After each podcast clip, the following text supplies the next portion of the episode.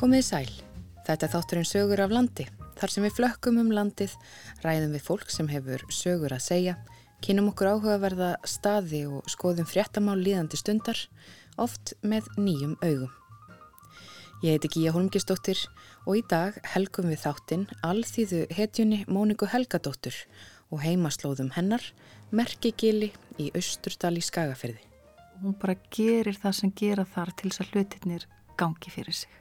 Og líka sko hún er svo óeigingjörn og það skinnja maður hérna strax bara þegar maður fyrir að lesa um hennar unglingsár að hún hikar ekkit við að fara, taka að sér erfiðverkefni til þess að hjálpa öðrum. Sögu Móniku þekkja margir, bóndin, ekjan, íslenska sveitakonan sem bjó á samt áttabörnum sínum, sjö dætrum og einum sinni á afskeftum bæ í innsveitum Skagafjörðar í Austur dal þar sem Austari Jökulsá rennur strömþung niður. Hrikaleg gljúfur og gil engkjana landslægið og samgöngur að bænum voru erfiðar, jafnvel lífshættulegar, sérstaklega þegar farið varum hefð hrikalega merki gil, gilið sem bærinni kendur við og stendur norðan hans.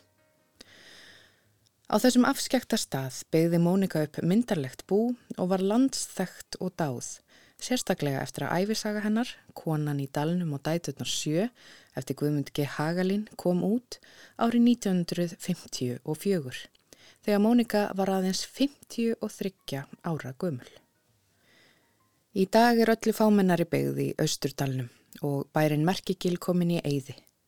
Jökuláin er orðin vinsel til flúðasiglinga og Merkigils bærin orðin áningarstaður ferðamanna sem leggja leið sína um Östurdalinn, hvort sem er keirandi, gangandi eða hesti.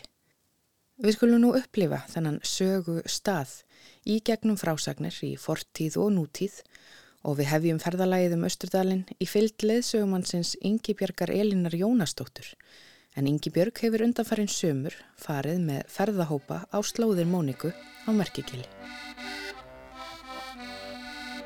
Já, ég heiti Ingi Björg Elin Jónastóttir. Ég er grunnskólakennar í grunninn en líka ferðamálafræðingur, starfa töluvert við ferðamennsku og meðal annars við leiðsögn bæði íslendra, íslenskra og erlendra ferðamanna.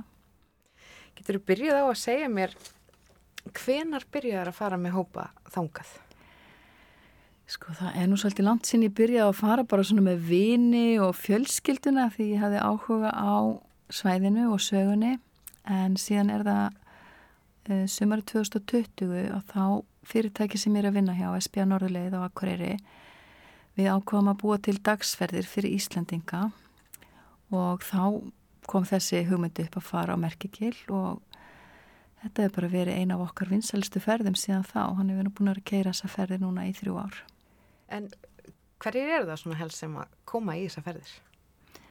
Þetta er nú gjarnan fólk sem er komið yfir miðanaldur en líka yngra fólk. Stundum koma svona þar þrjá kynsluði saman. Margir hafa hlustað á útarsöguna eða hlustað á þetta á Storytel og þetta er svona, ég held að það sé nú hátt hlutallega Íslendingur sem að tengja við þennan stað eða heyra Mónika á Merkigili. Hún er svona góðsögn alþýði hetja. Getur þú líst leiðinni sem þið farið? Hvar byrjið þið og, og svona ef þú þræðir þetta með okkur alla leið upp yfir að bænum? Já, mér finnst skemmtilegast að koma sko að bænum úr norðri. Að kemur maður keirandi eftir þjóði í eitt uh, og í norðurártalunum þá tekum maður afleggjara fram kjálka og Mér finnst gaman að keira þá leið og það er margt skemmtilt að skoða þar á leiðinni, maður fer fram hjá tyrfingstöðum, það er gammal torpar sem hefur verið í ákveðinni endurgerð, það eru upplýsingarskildi og góður staður að stoppa og heimafólk þar yfirleitt tekur mjög vel á mótimanni og þau hjónin sem búa þar eru fúst til þess að meðla upplýsingum um bæin og annað. Og síðan fikra með sig framar á, á galgan og keiri fram hjá Gilsbakka sem er í rauninni næsti bær við Merkigil þarna megin árinar og þeir sem að hafa lesi bókina þeir vita um þann góða vinskap sem að var á milli Merkigils og Gilsbakka. Hjörleifur á, á bakka eða Hjörs á bakka hann var góður vinur og sannur vinur Móniku og gott samband þeirra á milli. Og þaðan likur leiðin aðeins inn fyrir gilsbakka, fara nú vegur norðin fyrir ekkar dapur og ekki til dæmis fyrir fólkspila og eiginlega bara fram á nánast fram á gilbarminn, það er lítið stæði þar sem hægt er að leggja bíl og, og rútu sem er svona útbúin fyrir svona vegi og þar hefst gangan.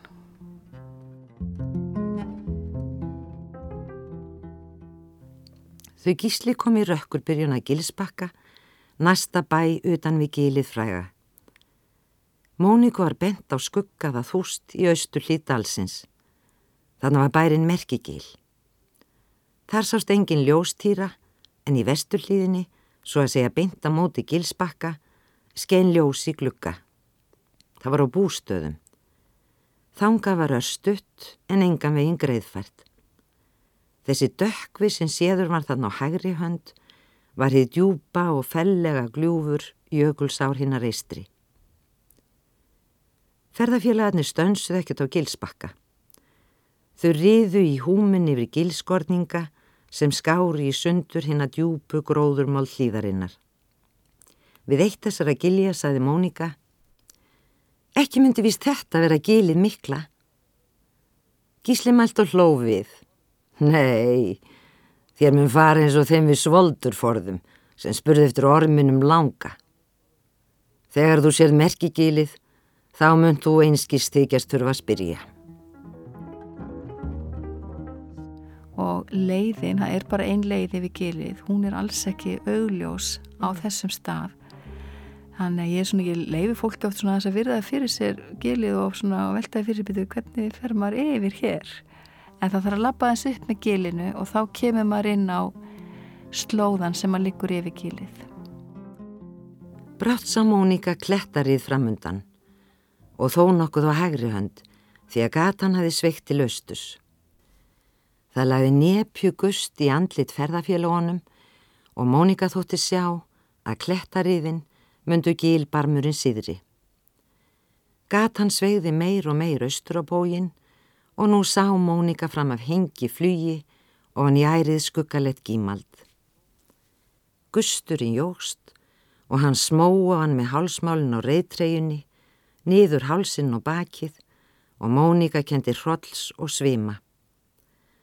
En samt gaf hún gílinu auga. Hún sá ekki niður í botthers, svo skuggsýnt sem var orðið, en það var sem grettar ásjónur stingju þar saman nefjum. Gat hann sveiði frá gilbarminum en tók síðan á sig krók og lá á skániður gilkinnina. Gísli stíða baki og Mónika fór að dæmans. Lausu hestarnir stönsuðu og gísli hottað á þá. Sá sem var á undan, frísaði og slósi með taglinu. Svo hjælt hann áfram, fetaði sér eftir sneiðingnum. Hinn fór á eftir og síðan komuð þau Gísli og Mónika með hesta sín í taumi. Gísli leitum auksl og mælti. Ertu nokkuð loftrætt? Nei, svaraði Mónika, en dróð þó vissi svarið því að svima gjörn var hún ef hún horfi fram af háum hömrum. Þau heldu áfram og Mónika var ekki hrætt en dálítið óstyrk.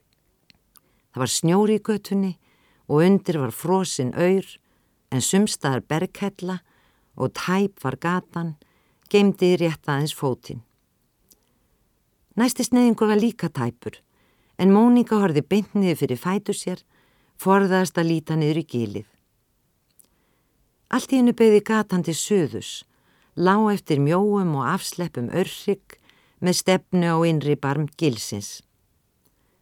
Gusturinn var það þungum sógum með slótum á milli eins og einhver fyrður skeppna læja á gilbotninum og andaði þungt og erfilega. Niðri í gilinu sást glitta í ströymstreng og nú heyrðist svarkendur niður. Gatan svegði austrabógin, varð rýmri og brattin minni en eftir því sem lengra dró niður í gilið urðu klettatnir í síðribarminum skuggalegri og ferlegri. Áinn var óbrúuð. Hún fossaði stórgritt millir klettariðana, hafði grafið skvampur og kalla í berghelluna á þeim þúsundum ára sem hún hafi stefjað þarna nýrum gílið, nýður að henni græmbla og jökulsá. En hestarnir ösluði yfir ána, órægir og fótvissir. Nú gæta líta snasir, klettarið og hamrabrúnir á alla vegu, en yfir var svo sem vokskórin eiga, híminn blá í svörtum sæfi, hvít ljós hér og þar, einmannaleg og fjarræn. Þá er yfir ána var komið, virti Mónika fyrir sér það sem framundan var. Henni nýtti við. Hvar var leið upp úr þessu ógnar gíli? Auðanum mætti ekki hana en hamrabríkur og klettanef. Og fyrir marga er það hérna bara mikið ævintýri að ganga yfir gili. Fólk hefur heyrt talað um þetta, það hefur lesið bókina kannski, lesið lýsingar á ferðum yfir þetta ægilega gil. Nú, eh, í sambandi við merkigil, hvað, hvað fannst þér að hafður þú komið að merkigil áður þú komst þarna Nei, nei. í nógumber? Hvernig fannst þér, hvernig leist þér á þig þegar þú komst þarna fram eftir? Þú kemur yfir þetta mikla gil sem þarna er á veginum. Já, þetta var nú náttúrulega svona hálf kuldalegt ef maður segir nú eins og ég. Það var nú hvernig talsveit mikið snjór og, og maður sá nú lítið landslag. En það rættist betur úr en áhorðist. Gatan reyndist öllu greiðari upp úr gílunu en ofan í það, þó að raunar væri leiðin hrikalegri. Fram á þversnýft ríð rakt hún sér gatan, smóundir slútandi klettanef, veg sér niður í þvergil, upp brattar og fláar kinnar og eftir tæpum sillum. Loks var komið upp á aðlíjandi hjalla og svo var þá greiðfært allalið upp á brúnina. Mónika nam staðar, leit við, horði nýr í gilið sem nú var enn myrkar en áður. Það þauði í klettum og skorningum og það var urgkjent svar í nýð árinnar. Það var eins og hún tautaði örg og kvefsin. Já, yfir ertu komin, yfir ertu komin, en engin veit sína æfin að telpa mín. Þannig að þetta er oft hérna, já, mikil upplifin fyrir fólk að komast yfir gilið og sigur fyrir marga að ganga yfir gilið. Og þegar yfir gilið er komið þá taka við götur fyrst yfir mólendi og svo bara yfir tún og heima merkigili. Mónika stóð sem bergnuminn og Gísler var komin á bak reyðskjóta sínum kallaði til hennar. Farðu nú á bak, Móna mín. Það er östutt heim og nú skulum við flýta okkur að komast í bæin og fá okkur eitthvað í svangin. En Mónika stóð enn okkur andartök og horfði ofan í gilið. Merkigil hétt það og myndaleg markalína varða hvort sem það skildi skilja á milli bújarða eða móta þáttaskil í mannsæfi.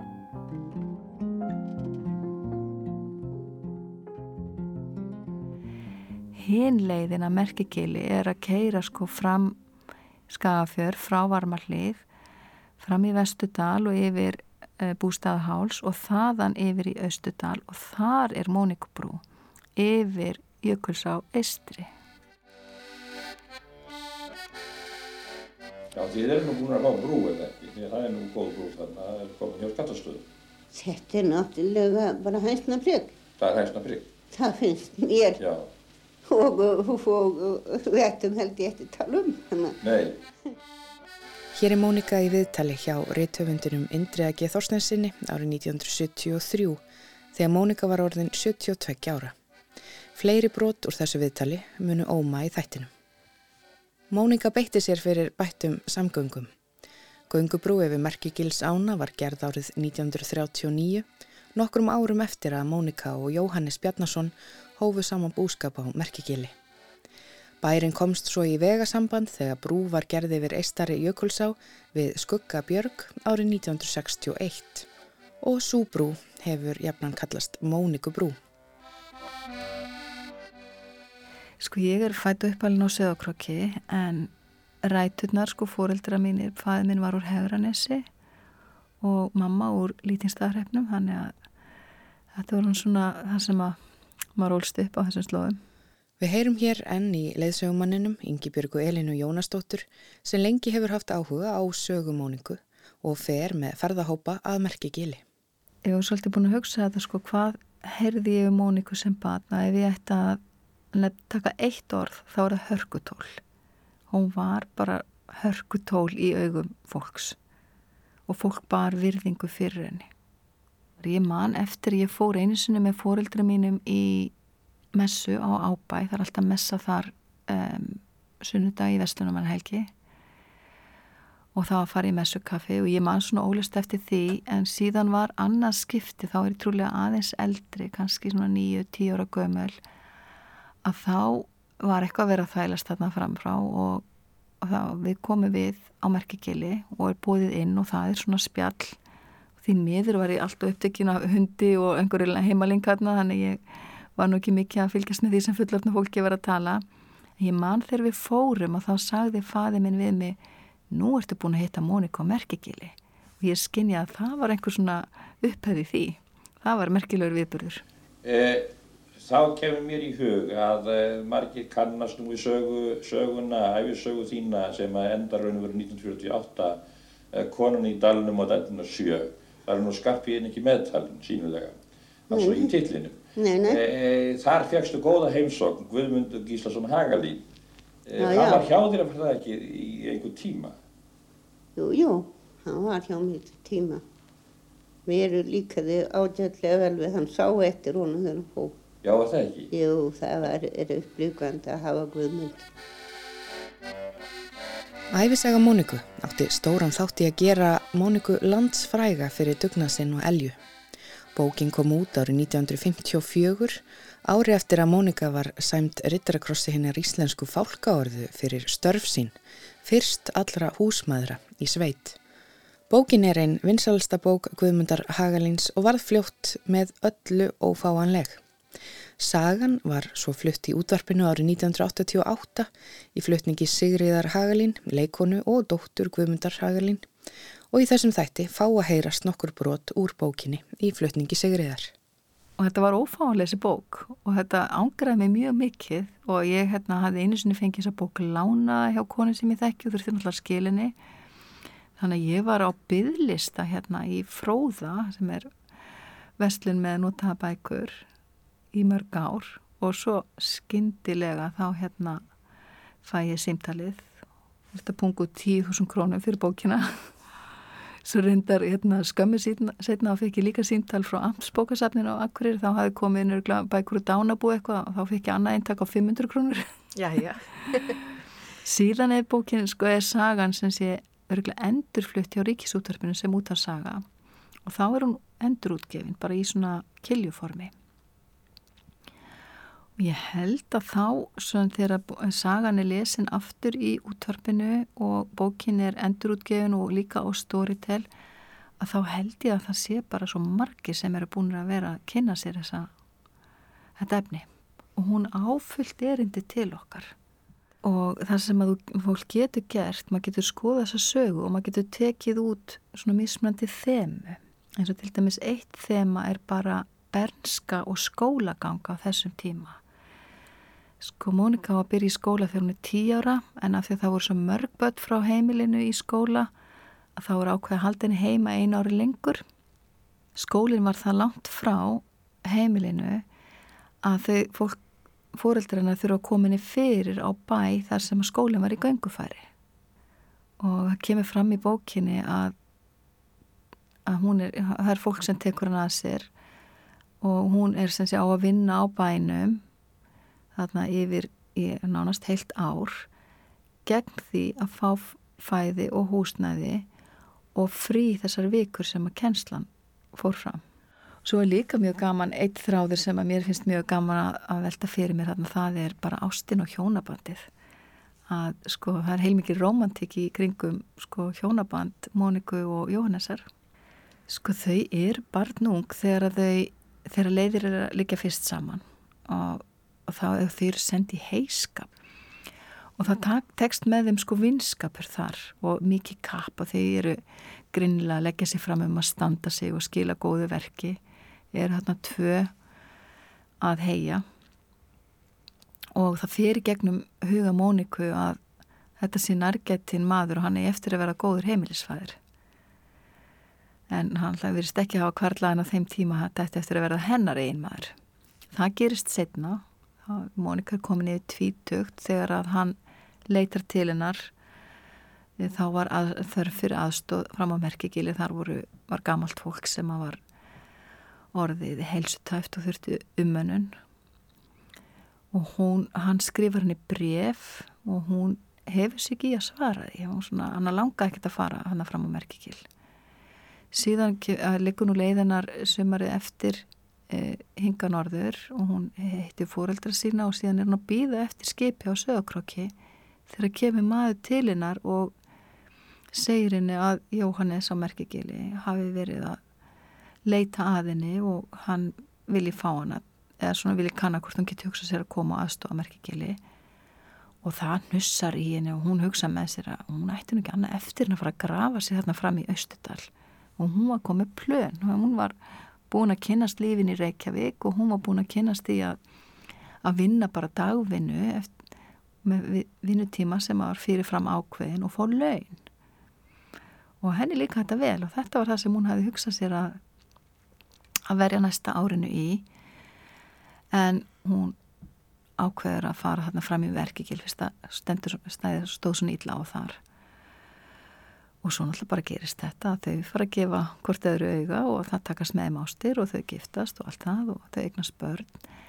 En í bókinni að skvumundar að þá er sem hann byggir náttúrulega á samtölu við Móniku að þá er við erum í svona fallega lýsingar á bara sambandi Karls og konu.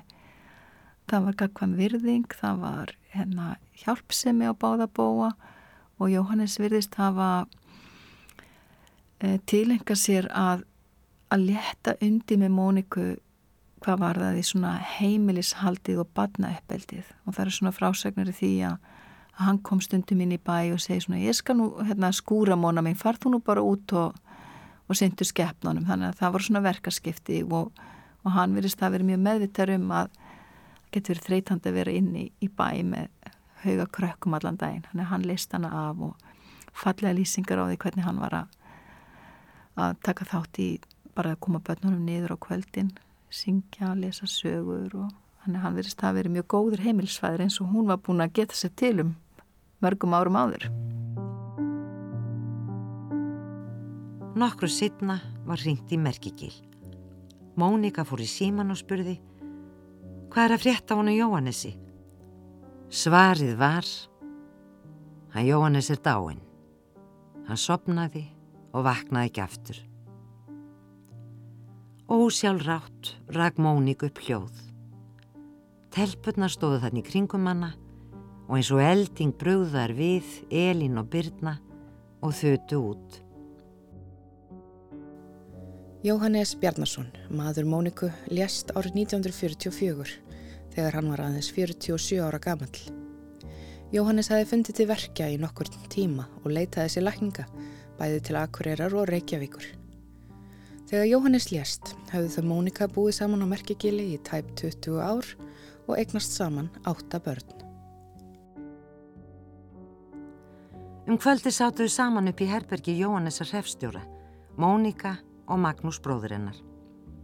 Það var Mónika buguð, úrvinda þreitu og harmi.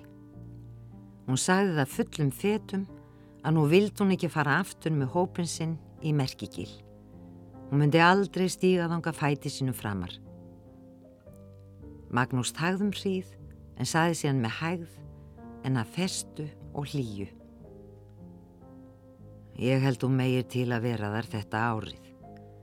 Það þarf að sjá þar um allt sem þið eigið þar, þú og börnin ykkar Jóhannessar og þér og þeim sem þú kynir að velja þér til aðstóðar þarf að gefast tími til að útvega þér hendugt í arnæði í staðin fyrir það sem þú sleppir. Hvað eitt annars að verðum blessu börnin? Þú er sjálfsagt mér að þú hafi verið beðin um börnin þín til snúninga en þó að það hafa af einhverjum verið talin meinbagni þá hafur það alltaf harðin neitað.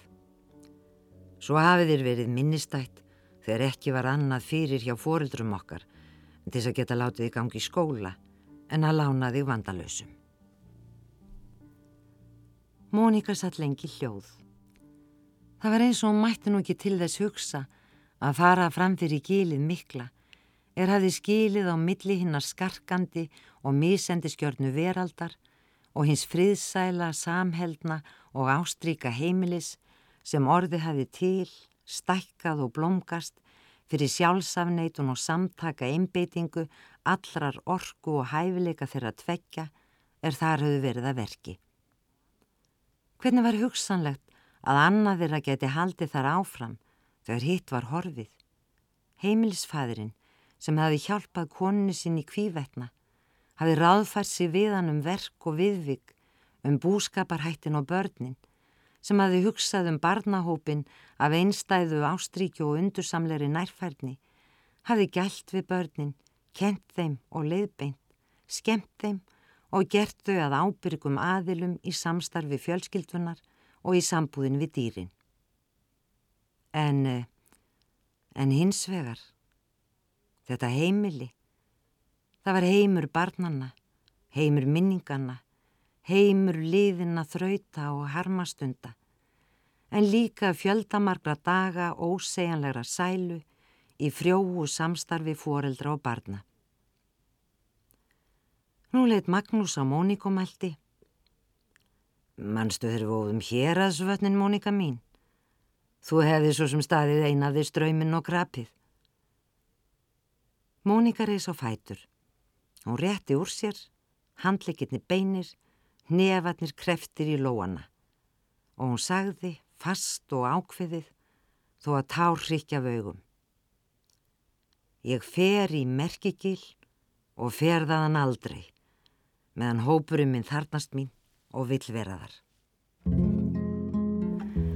Og eitt af því sem að Mónika hafi ekki tekið þátt í, það voru fjármál hann hafi alveg séð um fjármálinu á heimilinu og þarf, það er verkefni sem hún þarf að bæta við sinn verkarheng og gerir það en hún ákvæmst strax að hún ætlaði ekki að fá sér ráðsmann eða einhvern annan sem myndi sjá með sem mál fyrir hana Ráðsmann?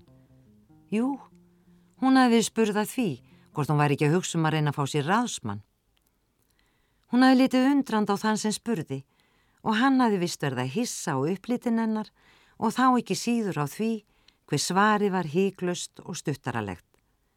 Hún hafi sagt eitt einasta orð, enga skýringu láti fylgja. Hún hafi sagt hvaðlegt nei og svo hafi einskis freka verið spurt. Hún myndi kannski leita ráða hjá einhverjum þegar um var að ræða nýjar framkvæmdir en um það daglega myndi hún ráðfæra sig við þann sem fram að þessu hefði ráðgast við hanna og hún hafði haft til ráðunitis. Hún myndi gera það þó að hann væri nú horfin. Hún gætt séðan fyrir sér þegar hún vildi, sá þá svipriðin, augnaráðið, þekkti hugsanir hans, vissi viljan hans. Og það er svolítið skemmtilegt að hún hérna, þegar hún er að komast inn í enna búrekstur, að þá setur hún sig í bara inn í hugsanaháttu Jóhannesar og hún ákveður að hún, já, ég ætla bara að halda áfram þar sem að hann var stattur í þessu öllu saman og það er svona lýsingur að hún er svona ráðfæra sig við hann í huganum. Nei, Jóhannes minn, ég ætla ekki að fá mér ráðsmann. Ég ráðfæri mig við þig um búskapin eins og áður og svo við telpunar okkar. Þú hast fann að segja við þar þó að ekki væri það stórar. Hvernig líst þér á þetta, Ella mín? Og... Uh, Hvað segið um það, El og Magga? Ef ég laði telpunar finna þess séu með í ráðum, þá helst hún eindræknin á þessu heimili.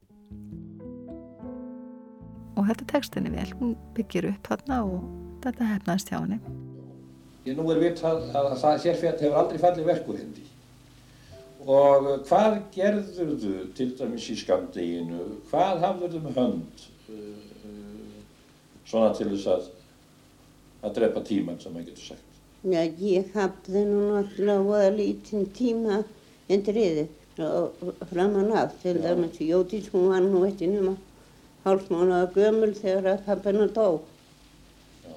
og uh, hún skarti tveitja ára en ég man nú eftir ég fekk þarna uh, teppi sem ég byrjaði að sauma í Óla Liljurós Já, og, uh, og ég greip í það, setti mér það takkmark að, sauma einn klukkutíma þegar hinnir voru háttaðir. Á hverju kvöldi. á hverju kvöldi en ég var líka mörg ára að sauma en þú hefur sem sagt tekið ástfóstri við staðin og það, það er slíku ástfóstri að, að þú hefur verið þarna alltaf tíð síðan. Nei, það er ekkert ástfóstur. Það er það sem að ég hef aldrei getað fælt mig við að fólk sé að hæla mér fyrir það að hafa verið á merkjugili eftir að Jóhannu sittin dó. Því að, eh, það þurfti meiri kjark en ég átti til til þess að rífa sig upp með áttaböld og fara það. og fara. Já. og, og, og, og, ég, ég hef sagt við þá sem hafa verið að tala um að helmur hvar, hvar hérna eh, fyrirbært stefna sem að er, er já, fótbrotin er hún kjör þar sem hún er eða vangbrotin Skjólið var þarna.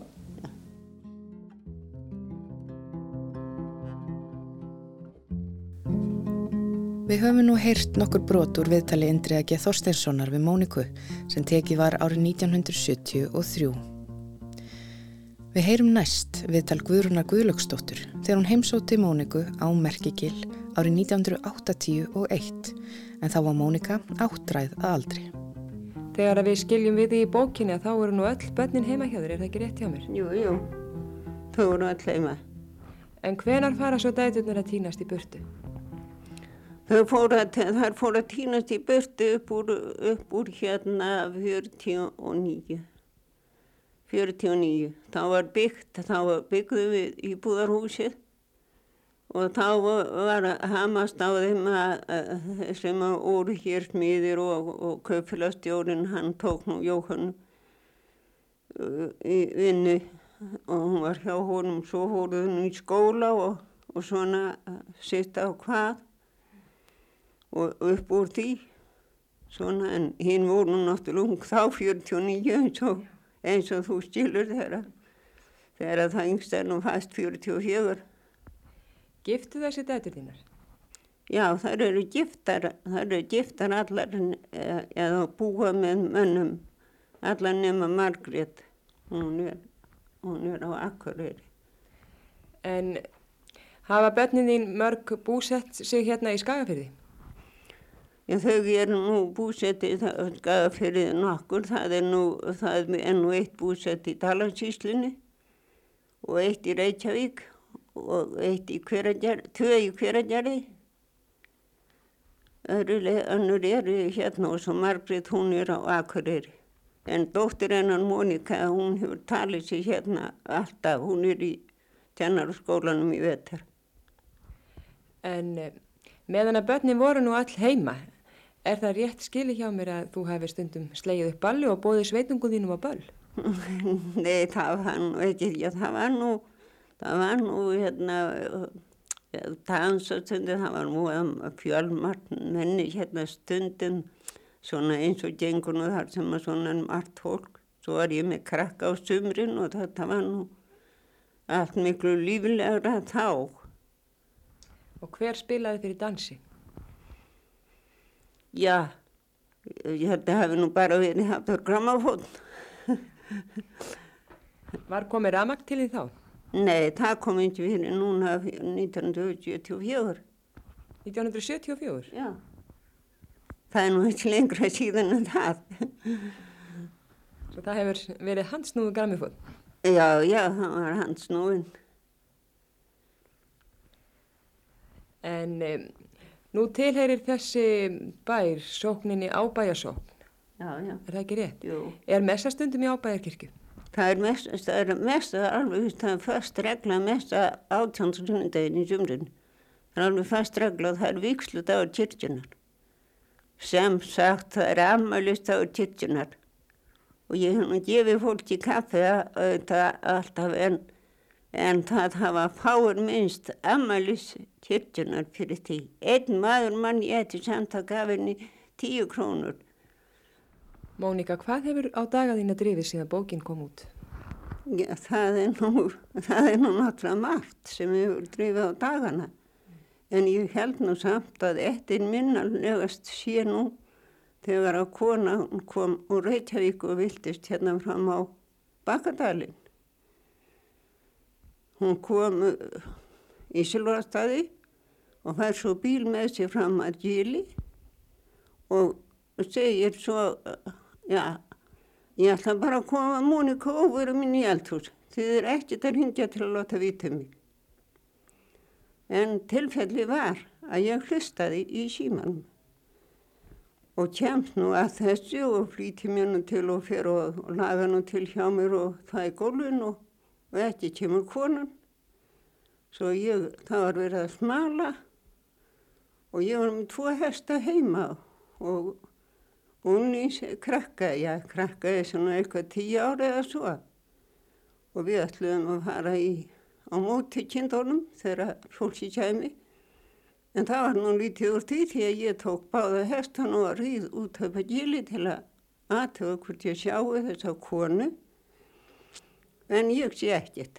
Fer svo niður með öllu jökulárgíli og heim og ringi svo til að láta vita það að ég sjáu hvort ég konun og hún sé ekki komin. Og svo fer ég aftur, hafði hestaskipti út og í mýrum og tek mér þar hest og ríð út upp að gíli aftur og fram allt fjall og fram á svo kallaðan tröskuldall og hefur nú sjaldan verið farið það á hestum fyrr. Þá sé ég konuna hvar hún er komin tó nokkuð langt fram á dal og er þá búin að binda hvita dölu upp á höfuð á sér og ímist sest niður eða leipur og mér bregði nú heldur því að það er byllandi flóð í ánni og önnur áskamt fyrir framann og ég hugsa með mér í annarkvört verður hún nú að snúa við eða þá hún fer í aðrak fyrir ána og þá drefur hún sig. Svo ég hugsa nú með mér að ég verði nú að reyna að komast og ég hóa og hljóða og kalla það nú ekkert hefur neina áhrif. Nú eins og tekst mér nú samt að ég kemst hona á og, og e, þá er hún komin þarna mjög nærri, grjótá á Bakkadal sem kallið er.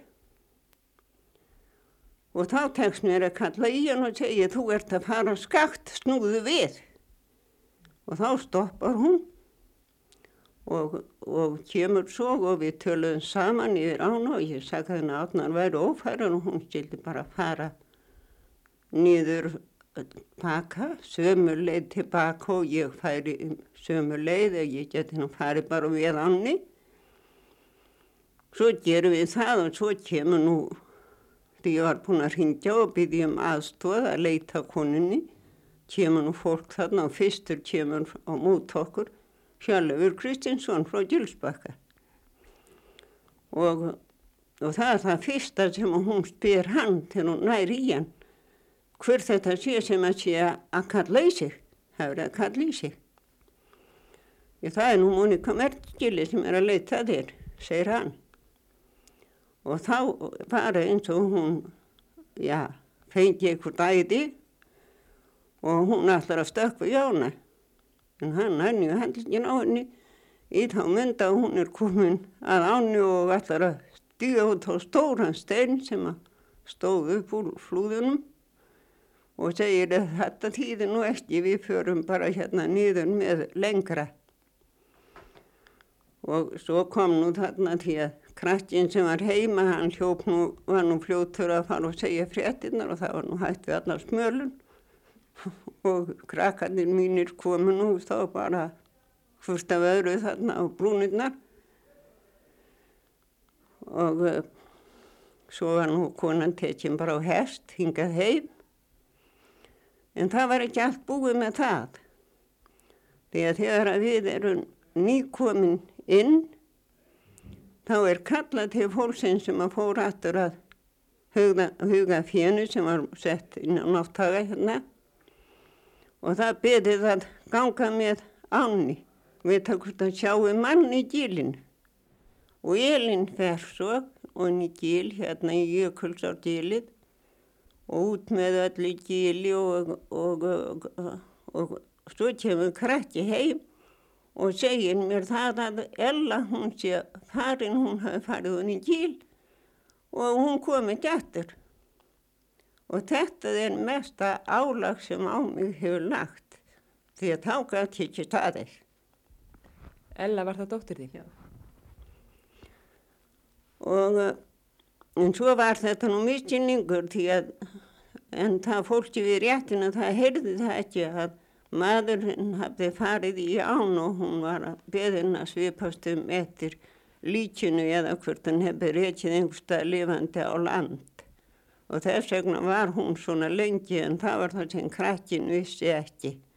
En þessi maður druknaði þarna í áni þennan sama dag.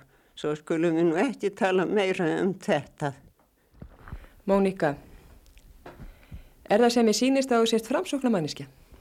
Já, ég hef alltaf til kannast við það. Ég hef aldrei breytið um einar skoðun og tíð máli. Ég sé nefnilega hérna á hillu mynd af Ólafi Jóhannesinni. Og þetta er ekki mynd sem er klift út úr bladið, þetta er bara ljósmynd í, í ramma. Hvar fegstu þessa mynd?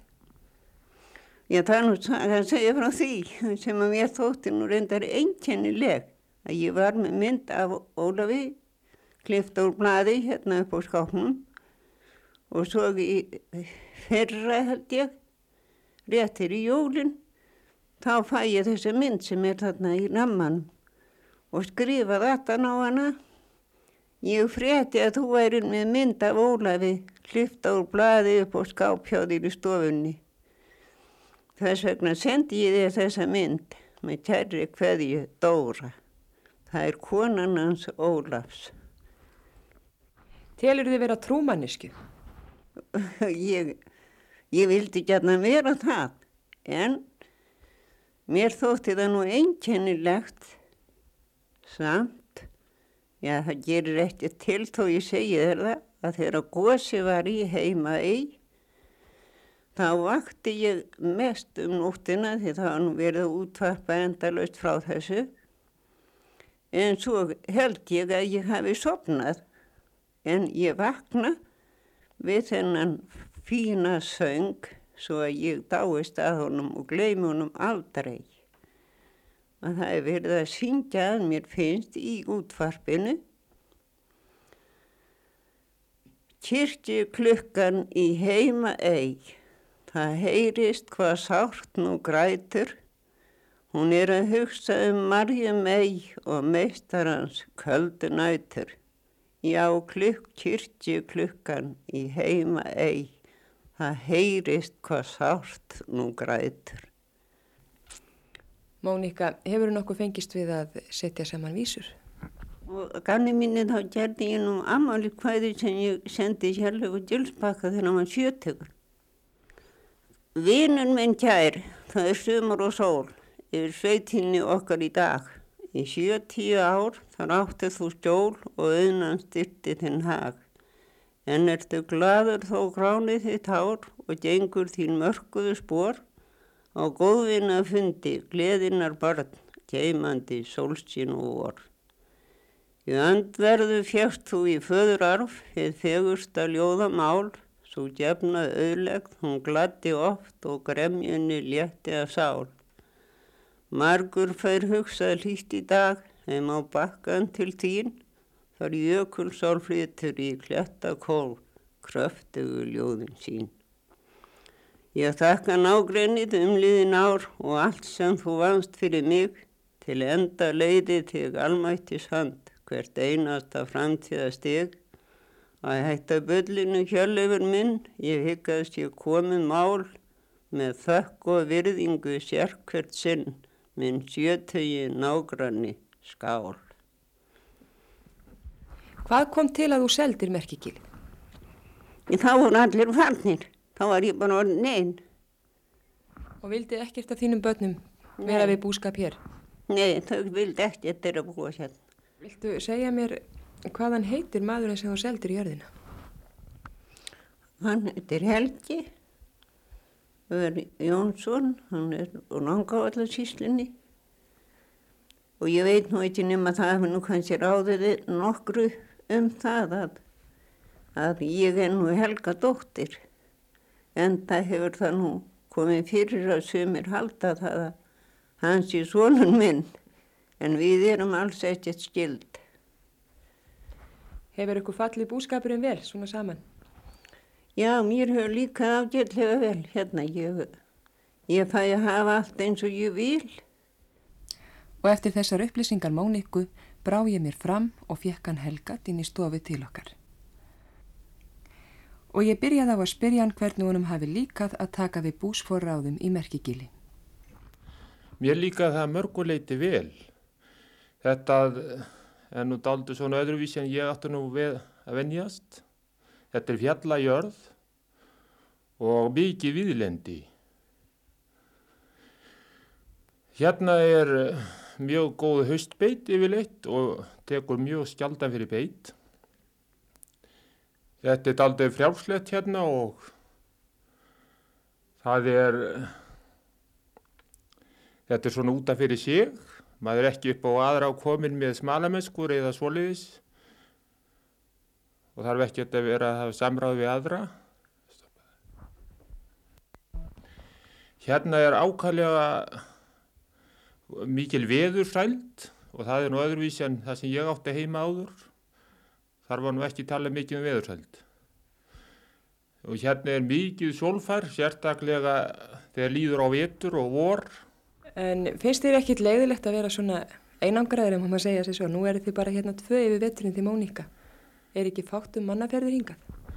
Jú, það er frekar fátum mannaferð á vetunar en það er mikill gestagangur hér á sumrin.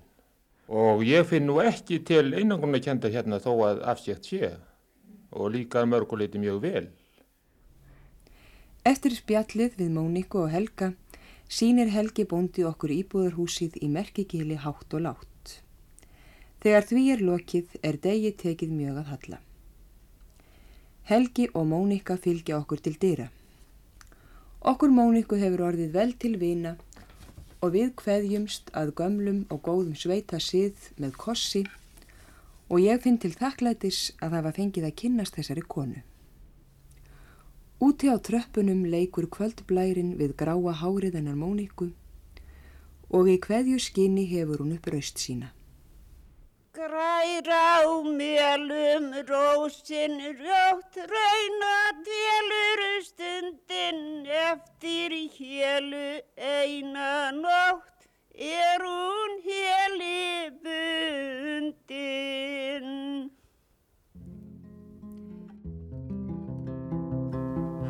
Svona hljómaði rött Móniku Helgadóttur árið 1981. Mónika bjóð til æviloka á merkegili en dvaldi á sjúkrahúsinu á Sveðakróki síðasta veturinn sem hún lifði. Hún dó 86 ára gömul þann 10. júni 1988. Helgi Jónsson bjó einbúi á merkegili til æviloka 12. janúar 1997. Hann lést að slísförum þar sem hann rapaði af svell bunga ofan í sjálft merki gelið og var fallið um 100 metrar. Helgi var þá 59 ára gamall. Hann var ókvæntur og barnlaus. Merkigil hefur verið í eyði frá því ársbyrjun 1997 en húsum þar er viðhaldið af erfingjum Helga. En fólki sem þú fer með þarna í ferðirnar, hvað er svona það sem að uh, þú skinnjar að, að svona standi helst upp úr? Sko það er bæði gilið og svo bara saga Móniku. Þetta náttúrulega er sko að fólk hafi þessi þraut segja hennar að taka þá ákverðun að búa á merkigili með barnahópin sinn þegar hún er orðin ekja og einn að búa þar til þess að halda fjölskyldinni saman. Hún átti kannski ekkit annað val að það held ég að sé súsaga og þessi þraut segja að hafa geta byggt upp á merkigili þarna inn í afdal án vegasambands. Það er náttúrulega frekverki. Takk fyrir að koma og segja okkur frá þinni, þínum störfum að fara með fólk á slóðir Móniku Helgadóttur. Takk fyrir spjallið. Takk fyrir að bjóða mér. Og þá er komið að lokum í sögum af landi. Í þættinum var rætt við leysögumannin Ingibjörgu Elinu Jónasdóttur. Auk þess sem herðust brotur viðtölum við Móniku Helgadóttur sjálfa úr sapni útvarpsins og flutt voru brot úr æfisögu Móniku eftir Guðmund Hagalín í fluttningi Sigriðar Hagalín leikonu. Við þakkum þeim sem hlýtu lífið heil.